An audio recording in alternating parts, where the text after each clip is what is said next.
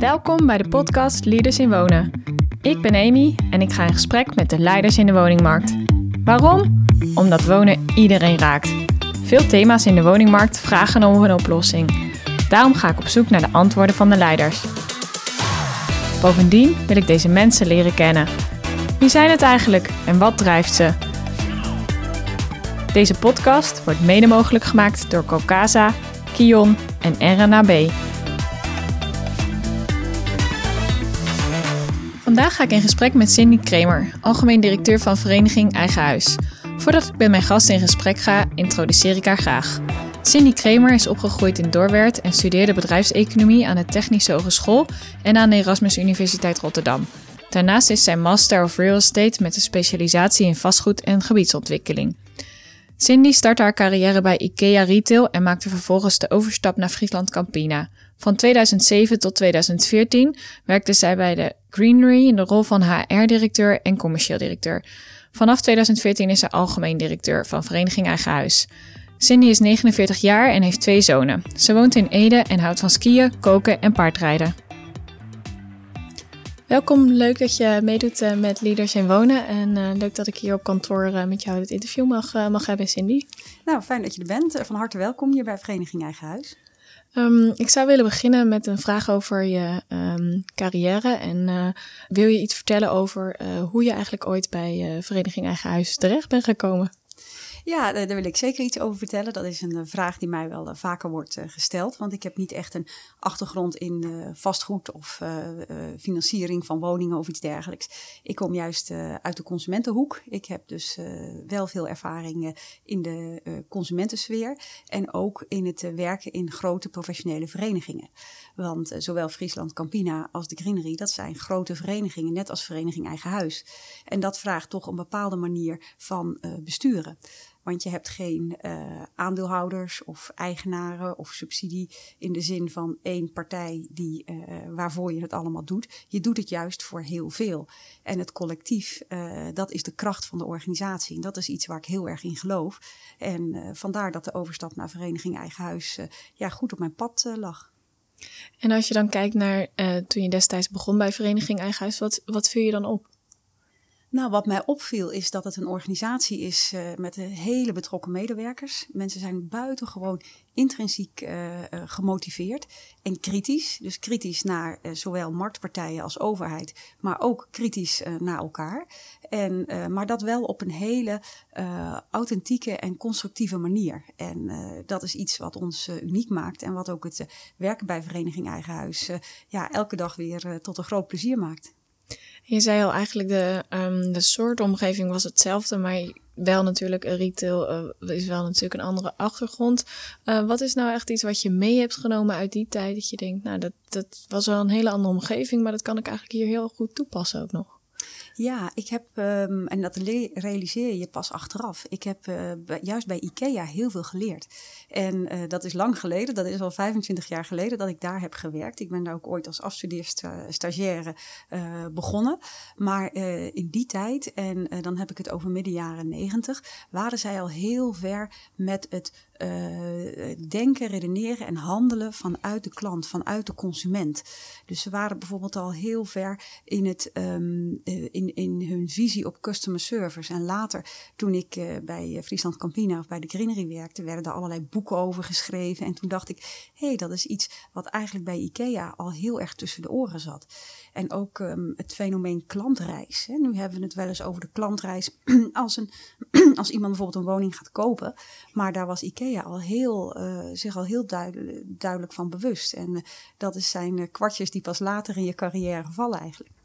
En het verschil tussen echt een commerciële organisatie en een, en een vereniging als dit, merk je dat verschil goed? Nou, um, eerlijk gezegd niet zozeer. Want als Vereniging Eigen Huis, we zijn wel gewoon een private organisatie. Dus wij moeten onze eigen broek ophouden. En dat betekent dat wij ook verantwoordelijk zijn voor het genereren van onze eigen inkomsten. En wij hebben altijd twee hoofdactiviteiten. Aan de ene kant is het de belangenbehartiging, dus dat is eigenlijk het lobbyen en het informeren van onze leden. En aan de andere kant de individuele dienstverlening, waarbij wij eh, ja, producten en diensten aanbieden die voor onze leden relevant zijn. En daar concurreer je gewoon met commerciële bedrijven. Dus daarin is het onderscheid niet zo groot, behalve dat je geen winstoogmerk hebt. Dus dat je echt een, een dienst wil leveren, een, een, een dienst voor een goede, kwalitatief goede dienst voor een goede prijs. En dan bij voorkeur in een markt die niet optimaal functioneert. Want daar kunnen wij natuurlijk het verschil maken. Um, je werkt nu ruim zeven jaar bij uh, Vereniging Eigen Huis. Daar kun je me meenemen in de afgelopen zeven jaar. Wat, wat heb je gezien binnen de organisatie en ja, welke stappen hebben jullie gemaakt? Ja, er is natuurlijk heel veel gebeurd. Uh, allereerst uh, zijn wij uh, de afgelopen zeven jaar ongelooflijk gegroeid in ons ledenaantal.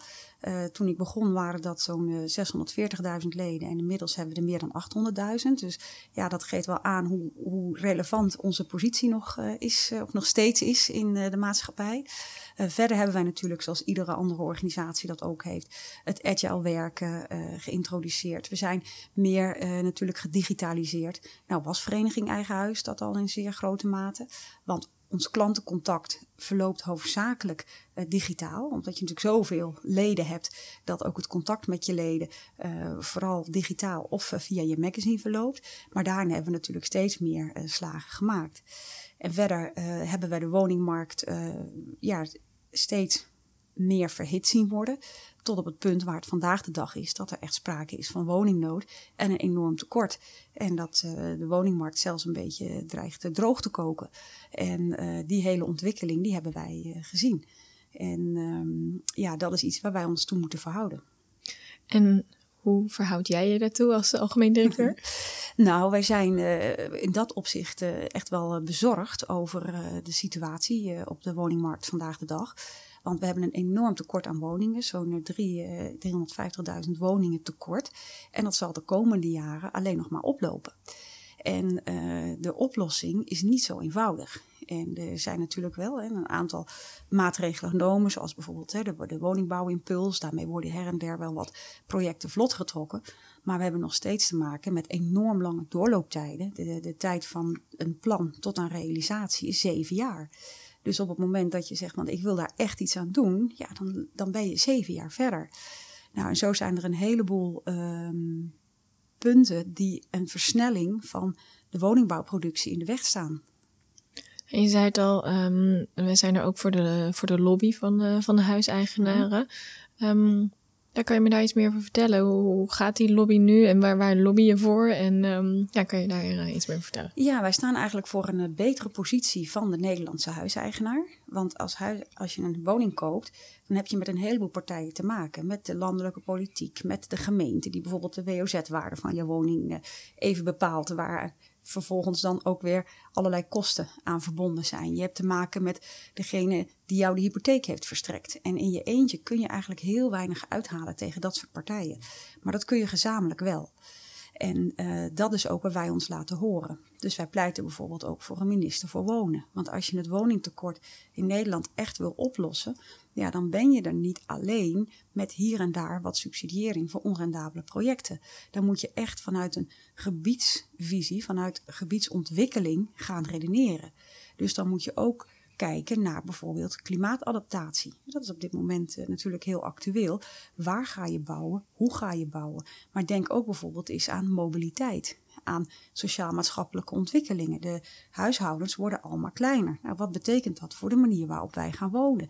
Denk aan verduurzaming, aan uh, verdichting. Dus er zijn een heleboel aspecten waar je rekening mee moet houden uh, als je gaat kijken naar hoe je Nederland op termijn wil inrichten. En daarom is het belangrijk dat er een bewindspersoon komt in de vorm van een minister die daar ook mee belast is en die al die vraagstukken in zijn samenhang met elkaar uh, beoordeelt. Je zegt, uh, je moet ook met veel partijen optrekken. Met wie trekken jullie dan nu veel op? Of uh, wie zoek jij persoonlijk veel op om uh, hierover te sparren? Nou, we hebben um, als vereniging Eigen Huis hebben we wisselende um, samenstellingen van partijen waarmee we optrekken. wij zijn natuurlijk een consumentenorganisatie puur sang. Dus degene die, op, die wij vaak tegenkomen uh, zijn bijvoorbeeld de Consumentenbond, maar ook uh, de Woonbond, want dat zijn natuurlijk ook woonconsumenten. Um, maar bijvoorbeeld ook uh, partijen zoals Bouwend Nederland of de NEPROM, daar waar het gaat om het versnellen van de woningbouwproductie. nou, als je kijkt naar de verduurzamingsopgave, en dan zijn wij vertegenwoordigd aan de klimaattafel voor de gebouwde omgeving. Daar zit je bijvoorbeeld ook weer met financierders, want dan gaat het over hoe ga je die uh, verduurzaming van die eigen woning betalen en hoe ga je dat financieren. Nou, we trekken natuurlijk uh, op met de politiek. We hebben contact met Kamerleden, met mensen op het ministerie. Dus het is, een, uh, het is nooit stil. Nee. En hoe, hoe doe je dat, die, die lobby voeren? Of ehm, ja, hoe, hoe, werk jij als ook algemeen directeur? Nou, er zijn een heleboel verschillende manieren waarop je dat kunt doen. Je kunt allereerst kiezen voor de samenwerking. Dan ben je bijvoorbeeld betrokken met een aantal andere partijen om uh, mee te praten over toekomstige wetgeving, wet en regelgeving bijvoorbeeld. Dan uh, zit je in een soort coalitie en dan ben je daar in een, of een coalitie, maar je bent daar dan in een van de partijen die meedenkt. Je kunt, uh, het andere uiterste is dat je zegt van nou hier is echt sprake van een misstand, zoals we dat recent hebben gezien uh, bij het gedrag van de makelaars. Ja, en dan zoek je bijvoorbeeld de publiciteit. Dan doen we een eigen onderzoek en dan gaan we daarmee naar buiten. En dan ga je eigenlijk je leden mobiliseren en de publieke opinie mobiliseren om dingen te veranderen en voor elkaar te krijgen.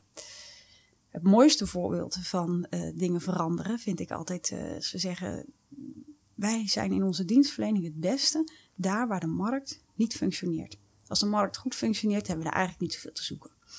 En zo was er een aantal jaren geleden een uh, provisiestelsel voor hypotheekadviseurs. Nou, dat was niet alleen heel kostbaar voor de klant, maar ook hartstikke ondoorzichtig. We hebben toen gezegd, daar zijn we tegen. Dat provisiestelsel moet eigenlijk afgeschaft worden. Nou, er is een hoop weerstand tegen, want verandering is altijd moeilijk. Toen hebben wij zelf, zijn wij een dienst begonnen die hypotheekadviezen geeft. Zonder provisie. Nou, uiteindelijk is dat provisiestelsel afgeschaft. Dus op die manier kun je de markt ook beïnvloeden. En wij zeggen dan natuurlijk het liefst dat we hem corrigeren. En dat is de, vind ik altijd nog de meest sterke manier van, uh, van beïnvloeding. En als je kijkt naar, je, uh, naar jezelf, uh, heb jij bepaalde specifieke mensen die jou um, ja, beïnvloed hebben in de keuzes die je hebt gemaakt in je carrière? Of um, die nu nog wel eens op je pad komen waarvan je denkt, ja, die, die hebben mij wel verder gebracht. Ik heb wat dat betreft geluk gehad uh, in mijn loopbaan dat ik heel veel, met heel veel goede leidinggevenden heb mogen werken. Die mij ook echt um, ja, hebben geïnspireerd en gemotiveerd om te blijven leren en mezelf te blijven ontwikkelen. Om nieuwe uitdagingen aan te gaan. Mij die kansen ook hebben geboden. En ja, daar ben ik tot op de dag van vandaag nog, nog dankbaar voor. Kan je daar een voorbeeld van noemen zonder een specifieke naam te noemen, maar wel iets waarvan je zegt dat is toch wel heel belangrijk belangrijk geweest in uh, mijn Nou, ik uh, was bijvoorbeeld HR-directeur. En op een gegeven moment kreeg ik bij de Greenery de kans om de overstap te maken naar algemeen management. Nou, dat is natuurlijk best een gedurfde overstap. Niet zozeer voor mij, maar ook voor de werkgever. En toch hebben ze mij die kans geboden. en, en daar ben ik ze dankbaar voor, want dat heeft mij wel ook gebracht tot waar ik vandaag nu sta. En, uh, maar het, zijn ook, het zit hem ook in veel kleinere dingen. Hè? Bijvoorbeeld, uh, um, Diederik Samson was uh, voorzitter van de klimaattafel. inmiddels is hij dat niet meer. Maar hij zei op een gegeven moment: Ja, je moet je realiseren, liefde gaat door de maag en draagvlak gaat door de portemonnee. En dat is wel waar, want we zijn nu een paar jaar verder. En we staan uh, ja, aan de vooravond van een grote uh, verduurzamingsoperatie. En wij doen heel veel onderzoek als Vereniging Eigen Huis zijn. Naar hoe huiseigenaren dat beleven en hoe ze daar tegenaan kijken. En als grote rode draad kun je daar toch uithalen dat huiseigenaren absoluut uh, bereid zijn om aan de slag te gaan en hun woning te gaan verduurzamen. Dat ze ook echt vinden dat ze daar zelf een, een, een, een rol en een verantwoordelijkheid in hebben. Maar dat ze het niet goed accepteren dat alle kosten en risico's klakkeloos bij hen worden neergelegd. En dan denk ik toch weer aan Diederik Samson. En als je dan uh, wat van die kosten en risico's kunt wegnemen, of in ieder geval in zijn totaliteit kunt dragen en niet op die individuele huiseigenaar afwendt, dan gaat zo'n verduurzamingsoperatie gaat gewoon veel en veel uh, sneller. Hoe zou dat dan echt in zijn werk moeten gaan volgens jou? Want je zegt het algemeen gedragen worden, maar. Ja, wat is natuurlijk altijd. Um, een afweging van welke kosten. Nederland wil van het gas af. Alle woningen moeten in 2050 uh, aardgasvrij zijn. Dan is het de vraag, wie gaat dat betalen? En daar kun je heel lang uh, over discussiëren. Maar uiteindelijk wordt het een verdelingsvraagstuk. Een vraagstuk van wat betalen we met z'n allen en wat laat je een individu betalen. En nu wordt daar nog heel. Um, ja, er wordt nog, natuurlijk moet nog van alles uh, ontwikkeld worden. We, we, zijn er nog niet. Maar het, is, het, uitgangspunt in het klimaatakkoord is dat het woonlastenneutraal gebeurt. Dus dat je als huiseigenaar in je maandelijkse woonlasten niet meer kwijt bent dan nu. Maar dat zijn natuurlijk gemiddeldes. En, en die gemiddeldes die pakken per definitie anders uit dan je, uh, dan je op voorhand uitrekent. Nou, hoe ga je daarmee om? En, en hoe meer je als overheid durft te zeggen: wij gaan verduurzamen, u moet uw huis isoleren, voorbeeld. Nu kun je subsidie daarvoor krijgen. Maar dat is hartstikke ingewikkeld. Want die, die subsidie krijg je achteraf, zitten haken en ogen aan. Je moet minstens twee isolerende maatregelen nemen. Je mag het niet zelf doen. Het moet door een uh, erkend bedrijf uh, worden uitgevoerd. Terwijl je ook kunt zeggen: wij moeten onze woningen isoleren, beste huiseigenaar. U kunt een voucher krijgen van een bepaald bedrag. Nou, voor 10.000 euro heb je al heel veel huizen heel goed geïsoleerd in Nederland. Je kunt het vooraf, kun je het krijgen. En ga aan de slag. Ook al doe je het zelf, dus prima. Als je, als je het maar doet. Uiteindelijk gaat het erom dat we die energievraag naar beneden brengen. Dus dan hoeven mensen het niet voor te schieten. Dan hebben ze minder beperkingen. En dan willen mensen echt wel. En daar hebben we ook onderzoek naar gedaan. Want isoleren en zonnepanelen, dat zijn de maatregelen waar de meeste mensen in geïnteresseerd zijn. En dat zijn nou juist de twee no-regret maatregelen. Want of jouw woning nou in de toekomst via een warmtenet wordt verwarmd, of je moet een, een warmtepomp aanschaffen. Het moment dat je woning geïsoleerd is en je hebt zonnepanelen, daar heb je altijd wat aan. Want je brengt gewoon die energievraag naar beneden. En, en laten we nou als overheid daar niet zo krampachtig in zijn, maar laten we nou eens royaal en ook vooral in vertrouwen die uh, betaalbaarheid organiseren. Denk je dat uh, gaat komen met het nieuwe kabinet? Oh, daar pleiten we zeker voor. Je vroeg net van uh, hoe gaat dat dan, hè? dat uh, belangen behartigen, hoe doen jullie dat? Nou, dan schrijven wij brieven. Dan schrijven wij brieven naar uh, politieke partijen, naar Kamerleden, waarin we zeggen, maak nou zo'n nationaal isolatiefonds. Geef nou die vouchers vooraf. Nou ja, en je doet dus ook onderzoek onder de huiseigenaar van wat zijn dan de drempels om het niet te doen. Exact, ja, anders weten we niet wat we in die brief moeten nee, zetten. Ja. we doen heel veel onderzoek ja, uh, ja, daarna. En, uh, en ik moet zeggen, kijk, als je de, de huidige berichtgeving over de klimaatontwikkeling uh, volgt, dan, dan word je best, dan is dat gewoon geen mooi verhaal. Maar als ik de, onze onderzoeken lees en gewoon zie dat huiseigenaren echt wel willen, dan ben ik toch optimistisch. Maar het gaat erom dat ze, het moet betaalbaar zijn, maar ze willen ook keuzevrijheid hebben. Want nu zie je dat veel wijken die van het gas afgaan, hè, dat zijn dan die proeftuinwijken op dit moment, die kiezen voor een warmtenet. In zo'n warmtenet heeft die huiseigenaar geen keus. Je moet het bij partij X of Y afnemen. Dus mensen hebben het gevoel dat ze te veel betalen. Komt ook door de huidige wet en regelgeving, waarbij de prijzen die mensen betalen voor een woning die verwarmd wordt door een warmtenet gekoppeld zijn aan de gasprijzen. Nou, we weten allemaal wat er met de gasprijzen gebeurt. Dus dat is heel moeilijk. Organiseer nou marktwerking en concurrentie op die warmtenetten.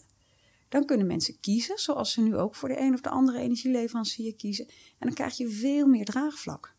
Je noemde al uh, eerder in het interview de customer journey. Je zei het is ook eigenlijk heel onoverzichtelijk en, die customer journey is eigenlijk ook heel moeilijk uh, uh, als het gaat om verduurzaming. Heb je daar nog ideeën voor? Of um, nou ja, wat je nu al zegt, de, keuze moet er zijn.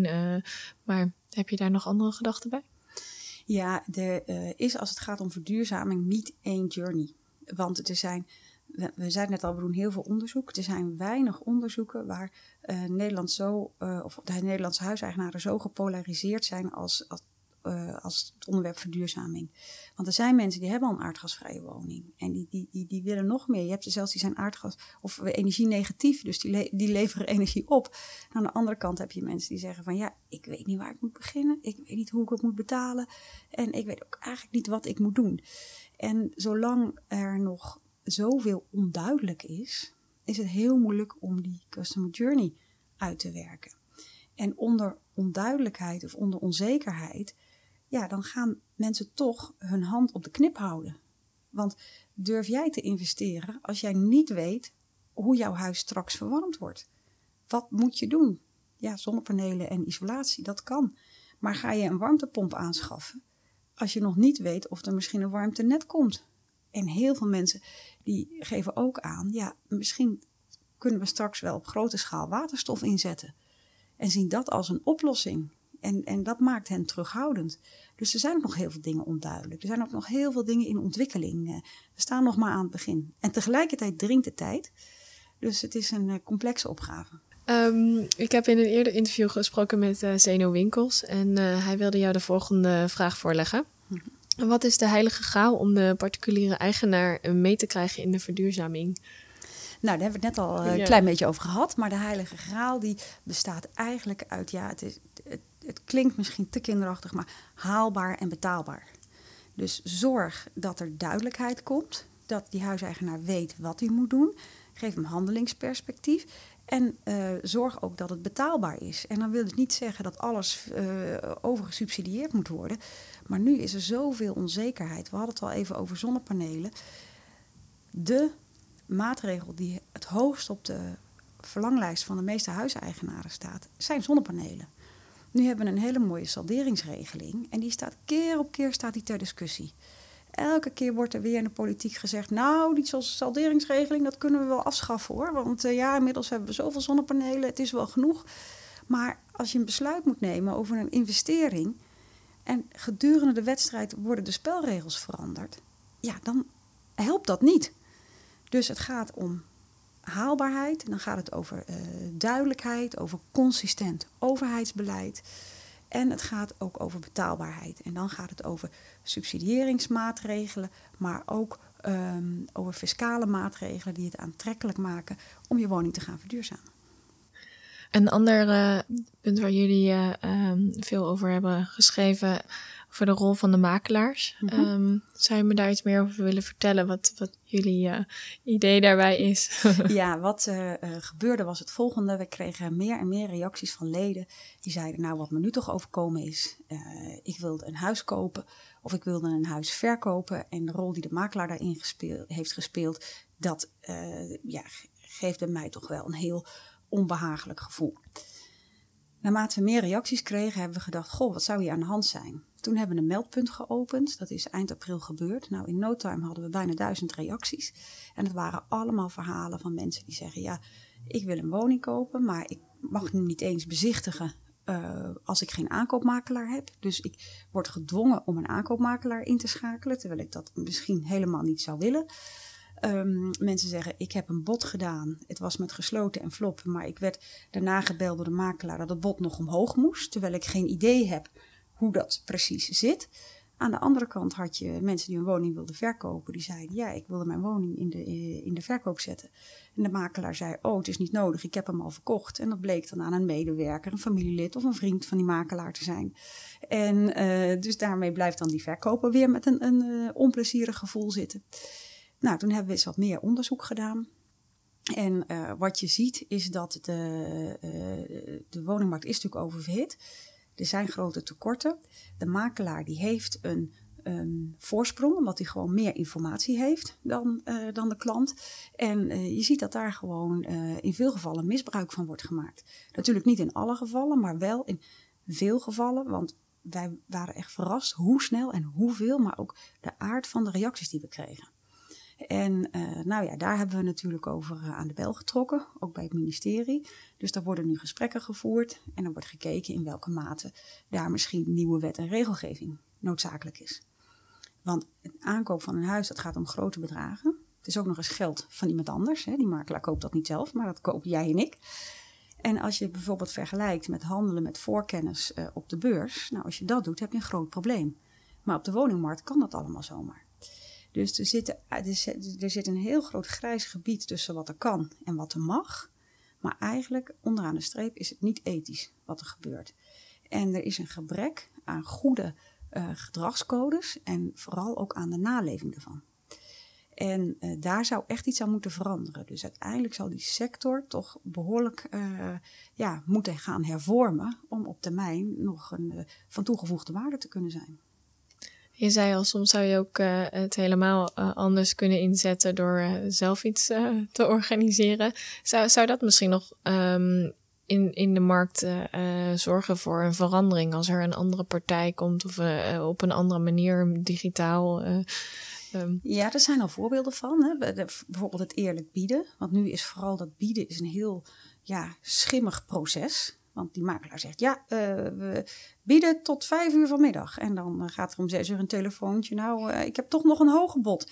En dan vaak, wat wij dan dus zien op ons meldpunt, is dat als die koper en die verkoper contact krijgen met elkaar, dat die verkoper dan zegt, ja, ik wist daar helemaal niet vanaf voordat er een hoger bod was. Ik had geen idee.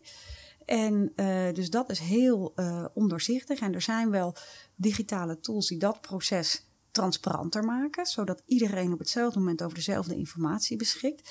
Dus je ziet her en der wel uh, dat dit soort uh, ontwikkelingen er zijn, maar de markt is zo krap op dit moment dat veel huiseigenaren of veel kopers ook denken: ja, het kan me niet schelen hoe als ik het huis maar krijg.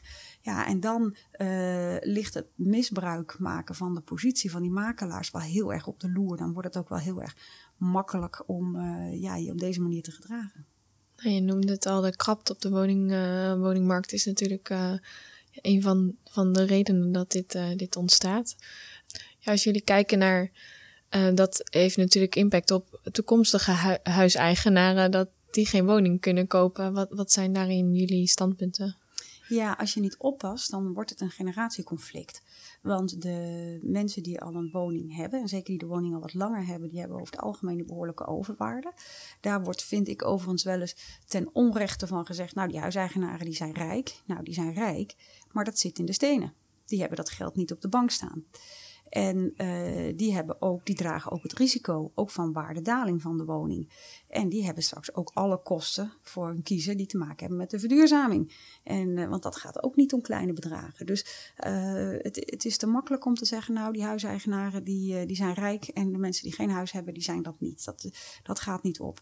We moeten trouwens ook niet vergeten dat de, de woning ook een bron van inkomsten is voor de staat. Kijk bijvoorbeeld aan het eigen woningforfait dat levert uh, de schatkist toch ook geld op. En ook de gemeentelijke belastingen, die zijn ook gekoppeld aan de woningwaarde. Maar goed, uh, dat uh, terzijde. Um, degenen die het moeilijk hebben, die echt in de knel zitten nu, dat zijn de starters. En die starters die hebben al een probleem als ze een woning moeten zoeken, want die zijn er haast niet. Hebben ze een woning gevonden, dan moeten ze nog zien te bemachtigen. Nou, we hebben het net al even gehad over de rol van de makelaars. Maar wat we ook zien, en dat is best een, een, een risico, is dat die starters in toenemende mate uh, maximaal gaan lenen en zonder voorbehouden zo'n woning kopen. En dat doen ze omdat ze vaak moeten concurreren met beleggers. En die belegger die kan gewoon zo'n woning kopen en die zegt ik heb geen voorbehoud, ik reken hem zo af. Terwijl die starter die zegt ja ik heb echt een financieringsvoorbehoud nodig en ik wil een bouwkundig rapport, want ik, ik kan gewoon die, die kosten niet dragen op het moment dat die woning niet in orde blijkt te zijn. Nou, je ziet dat daardoor die starters vaak achter het net vissen. En dan vervolgens die woning die ze hadden willen kopen voor een heel hoog bedrag moeten huren. Dat noemen we dan ook de duurhuurders. Dat zijn de mensen die hele hoge huurlasten betalen, die eigenlijk die woning wel hadden willen kopen en dan ook lagere maandlasten kwijt zouden zijn. Nu zie je gelukkig dat gemeentes daar wat uh, tegen doen. Je ziet de zelfbewoningsplicht. Hè, dat kunnen ze natuurlijk bij nieuwbouwprojecten kunnen ze dat uh, afspreken met projectontwikkelaars. Dat die woningen alleen verkocht mogen worden aan mensen die er ook echt gaan wonen. En je ziet de opkoopbescherming in een aantal steden. Dat geldt voor, bepaalde, voor bestaande woningen. Nou, daar zit nog een heleboel wet en regelgeving achter. En we hopen dat begin 2022 dat een feit wordt. Zodat die starters in ieder geval een eerlijke kans krijgen op een woning. Nou, dat is één deel van uh, de ongelijkheid. Maar ook als je kijkt naar de mensen die nu een woning hebben en de mensen die gaan starten. er wordt wel eens gezegd van nou laten we die hypotheekrenteaftrek maar afschaffen, want dat is allemaal bevoordeling enzovoort enzovoort. Nou, als je daar goed naar kijkt en je realiseert je dat die hypotheekrente maar voor 30 jaar afgetrokken mag worden, dat is sinds 2001 het geval, dan kun je je realiseren dat vanaf 2030 de oudste gevallen niet meer hun hypotheekrente mogen aftrekken. Terwijl de jonge mensen die nu kopen, die mogen nog wel die hypotheekrente aftrekken. Dus op het moment dat je dat, dat systeem afschaft, dan haal je dat voordeel voor die jongeren, die haal je weg. Dus dat is ook iets waar je goed over na moet denken. En zo is het met alle maatregelen. Of het nou het belasten van de woningen in box 3 is, of het, het uh, afschaffen van nog sneller afschaffen van de hypotheekrenteaftrek. Je moet heel goed nadenken. Wat gebeurt er? Wie wordt hierdoor geraakt? En wat betekent dat voor de gezondheid van de totale woningmarkt? En dat vind ik ook wel eens een punt. We moeten niet vergeten, de woningmarkt is niet zomaar een markt. De ruimte in Nederland is in absolute zin gewoon beperkt. Je kunt niet als een koekjesfabriek, en dat is natuurlijk wel een verschil, gewoon de machine harder zetten en meer produceren als de vraag groter is. Dat, dat gaat niet zo eenvoudig met woningen. Daarnaast is wonen is een grondrecht. Dat staat in onze grondwet. Dat is ook niet voor niets. Een dak boven je hoofd is wat anders dan een pak koekjes in je kast. Dus ik vind dat we daar ook ons meer van bewust moeten zijn op het moment dat we het hebben over huiseigenaren, over woningmarkt, over uh, kansen op die woningmarkt, over is een huis om in te wonen of is het een belegging om geld mee te verdienen? Als het een het ander gaat dwarsbomen, dan zit er in het beleid iets niet goed. Nee, het is denk ik twee, uh, tweeledig. Er zijn en sowieso te weinig huizen en die verdeling is uh, misschien niet, uh, niet altijd optimaal. Nee, dat, dat klopt. Dus nou, daar bemoeien we ons dan graag mee. Zijn er nog punten waarvan je zegt, die, die, zou je echt nog, die wil ik nog wel echt benoemen? Als het gaat om de woningmarkt en de thema's die voor jullie belangrijk zijn. Oh, je bent over de woningmarkt ben je nooit uitgepraat. Nee. We hebben het natuurlijk veel gehad over starters. Hè, maar een, een, een, groep die het ook niet makkelijk heeft, dat zijn juist de ouderen. Hè, het langer thuis willen wonen. De, de, ook de verbinding tussen woningmarkt en zorg. hoe langer je goed thuis kunt wonen, hoe minder je drukt op de zorg. En wat doen we daaraan om daarin te voorzien? Veel oudere mensen die alleen in een relatief grote woning uh, wonen. Als ze dat willen, is het prima en prachtig. Maar als er aantrekkelijke alternatieven zijn, dan is dat voor hen in veel gevallen passender. Maar het brengt ook weer die woningmarkt, die doorstroming op gang. En ook daar zou je eens kritisch naar kunnen kijken. Het vermogen van oudere mensen, wat vaak in de stenen zit, kun je dat aanwenden bijvoorbeeld voor zorg of voor aanvulling op een pensioen? Zo ja, op welke manier? Dus er is nog heel veel, uh, er is nog heel veel te doen. We zijn nog lang niet klaar hier. Nou, leuk om te horen dat je, dat je nog zoveel uh, ideeën hebt en er nog, uh, nog zoveel uh, um, nou ja, werk te doen is. Um, ik zou graag overgaan naar jouw jeugd. Um, ik ben wel benieuwd ja, hoe jij zelf bent opgegroeid. Oh ja, daar kan ik wel iets, iets over vertellen. nou, mijn ouders die werkten allebei. En nou, ik ben daar mijn moeder dankbaar voor, want dat was, een, was daarin ook een mooi voorbeeld bij mensen van mijn generatie, zeker bij vrouwen, is het niet vanzelfsprekend dat ze een moeder hebben die eh, fulltime eh, heeft gewerkt altijd. En dat deed mijn moeder wel. Dus dat was later voor mij ook nooit een, eh, een vraag om parttime te gaan werken of een paar jaar niet of iets, iets dergelijks. Um, maar dat gaf, betekende ook dat wij veel ruimte en vrijheid hadden, mijn zus en ik. Ik ben de jongste van de twee zussen, om onze eigen weg te gaan. En uh, ik weet nog dat ik vrij jong uh, op kamers ben gegaan om te studeren. En mijn ouders die hebben dat altijd gestimuleerd. Hebben daar ook vertrouwen in gehad. Nou, ik moet zeggen, ik heb nu zelf kinderen van de leeftijd. Mijn oudste zoon is 17. Nou, toen ik 17 was, toen woonde ik op kamers. En mijn ouders die hebben dat ja, heb daar blind vertrouwen in gehad. En in een tijd, ook, het was 100 kilometer verderop. We hadden geen, geen internet, geen mobiele telefoon toen nog. Nou, ik zou mijn zoon echt niet zo, uh, zo los durven laten nog, uh, eerlijk gezegd.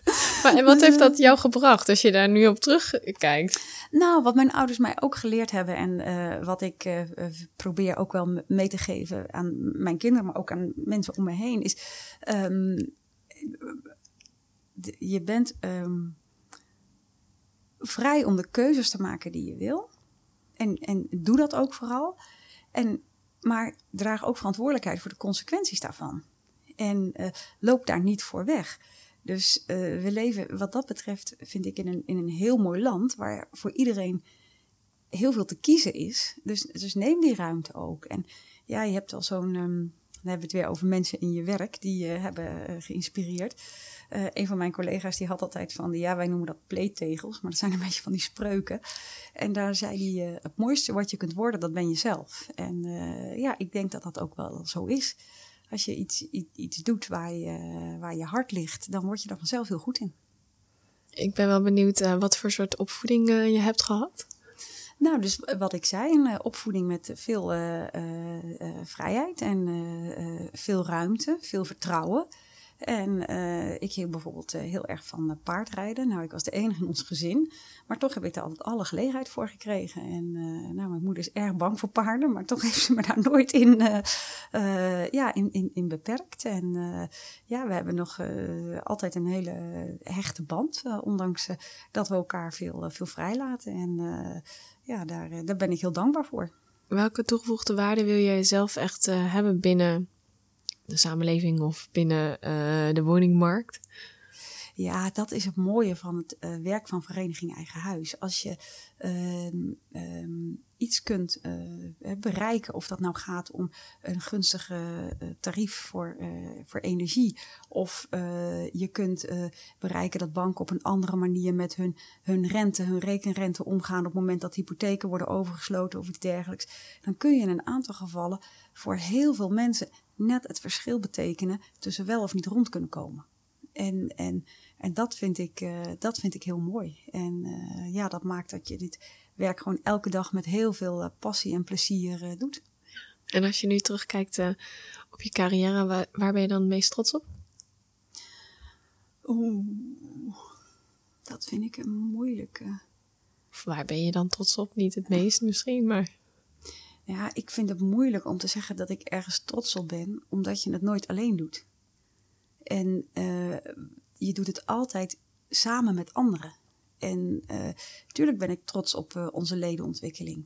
En natuurlijk ben ik trots op, op, op alle mensen die hier elke dag werken. Maar dat is niet mijn verdienste. Dat, dat hebben we met elkaar gedaan. En ja, daar, um, daar geniet ik van. En um, ik ben nog wel benieuwd um, of je tips hebt voor, voor mensen vanuit je eigen loopbaan. Dat je denkt, nou, dit, dit kan iedereen meegeven. Nou, dan kom je. Wat, wat ik belangrijk vind als het gaat om um, management en leiderschap.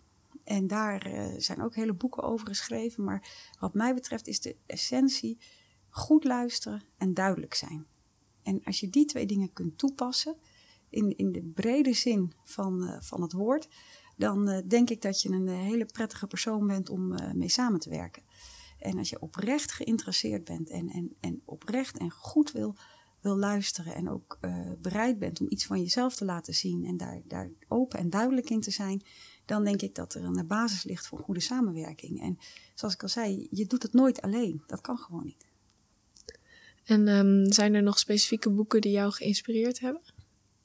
Ja, je hebt natuurlijk veel van die managementboeken. Het is al oud, maar bijvoorbeeld The Good to Great.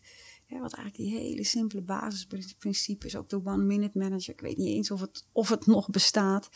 Maar uh, ook een boek als bijvoorbeeld Sapiens. Die, die beschrijft over hoe wij mensen uh, eigenlijk zijn geworden tot wat we nu zijn. Daar kun je ook heel veel lessen uithalen. En uh, ja, de, de, de inspiratie zit in heel veel dingen ik uh, vond het wel mooi dat je zei van ik heb uh, vanuit uh, mijn moeder eigenlijk altijd een mooie voorbeeldrol uh, gezien. hoe, je, hoe je dat eigenlijk werk-privé ook mhm. goed kan combineren. Hoe, hoe heb jij dat altijd gedaan thuis? Ja, eigenlijk heel vanzelfsprekend. Ik, ik zag daar um, andere, met name vrouwelijke collega's, best wel eens mee worstelen. En uh, ja, ik heb dat zelf eigenlijk nooit zo uh, ervaren. Mijn man en ik hebben ook altijd de zorg en de werktaken verdeeld. Uh, gewoon alles 50-50. en ja, natuurlijk wat hulp kunnen inschakelen. En, um, maar het is wel iets wat ik wel eens meegeef, ook aan, aan, aan jonge vrouwen. Ehm, want ik kan me herinneren in die tijd dat ik jonge kinderen had, dat mij heel vaak werd gevraagd: hoe doe je dat? Hoe combineer jij dat eigenlijk? En ik vond dat zo raar dat dat mij wel werd gevraagd en mijn mannelijke collega's niet. Dus ik zal ook nooit die vraag stellen.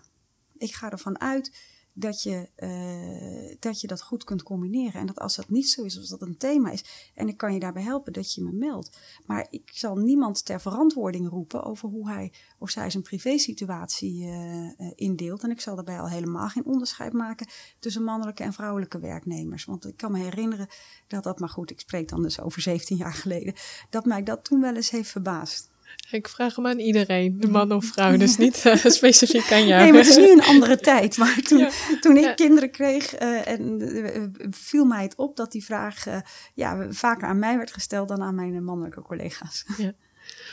Um, en ik zou je willen vragen om een doorgeefvraag um, te stellen aan een van mijn volgende gasten, Micha van den Akker van de Hypotheker, CEO van de Hypotheker. Mm -hmm. um, welke vraag heb je voor hem?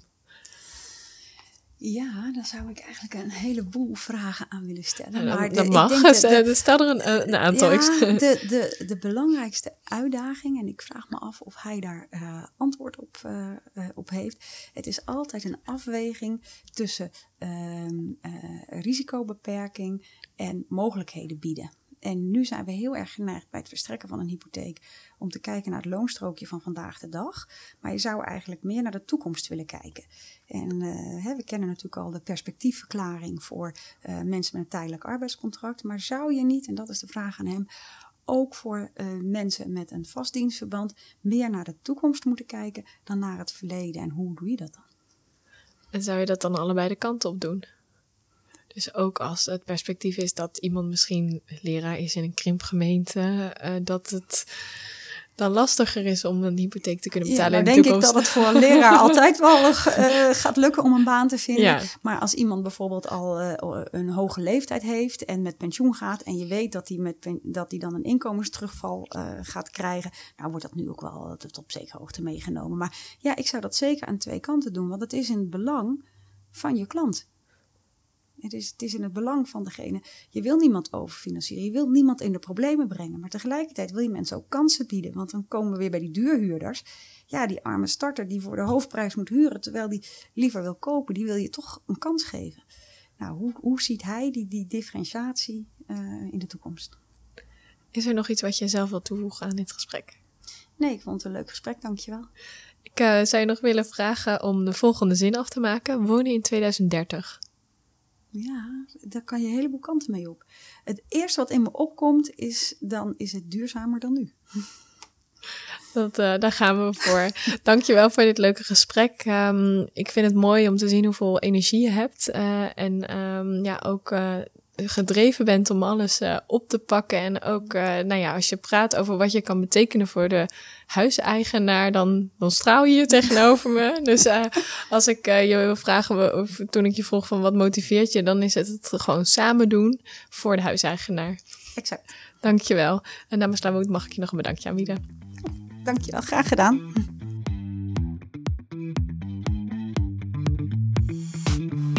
Leuk dat je luisterde naar de podcast Leaders in Wonen. Voordat we afsluiten wil ik graag de partners van deze podcast bedanken. Calcasa, Kion en RNAB. Vergeet je niet te abonneren bij Spotify of Apple. Tot de volgende aflevering.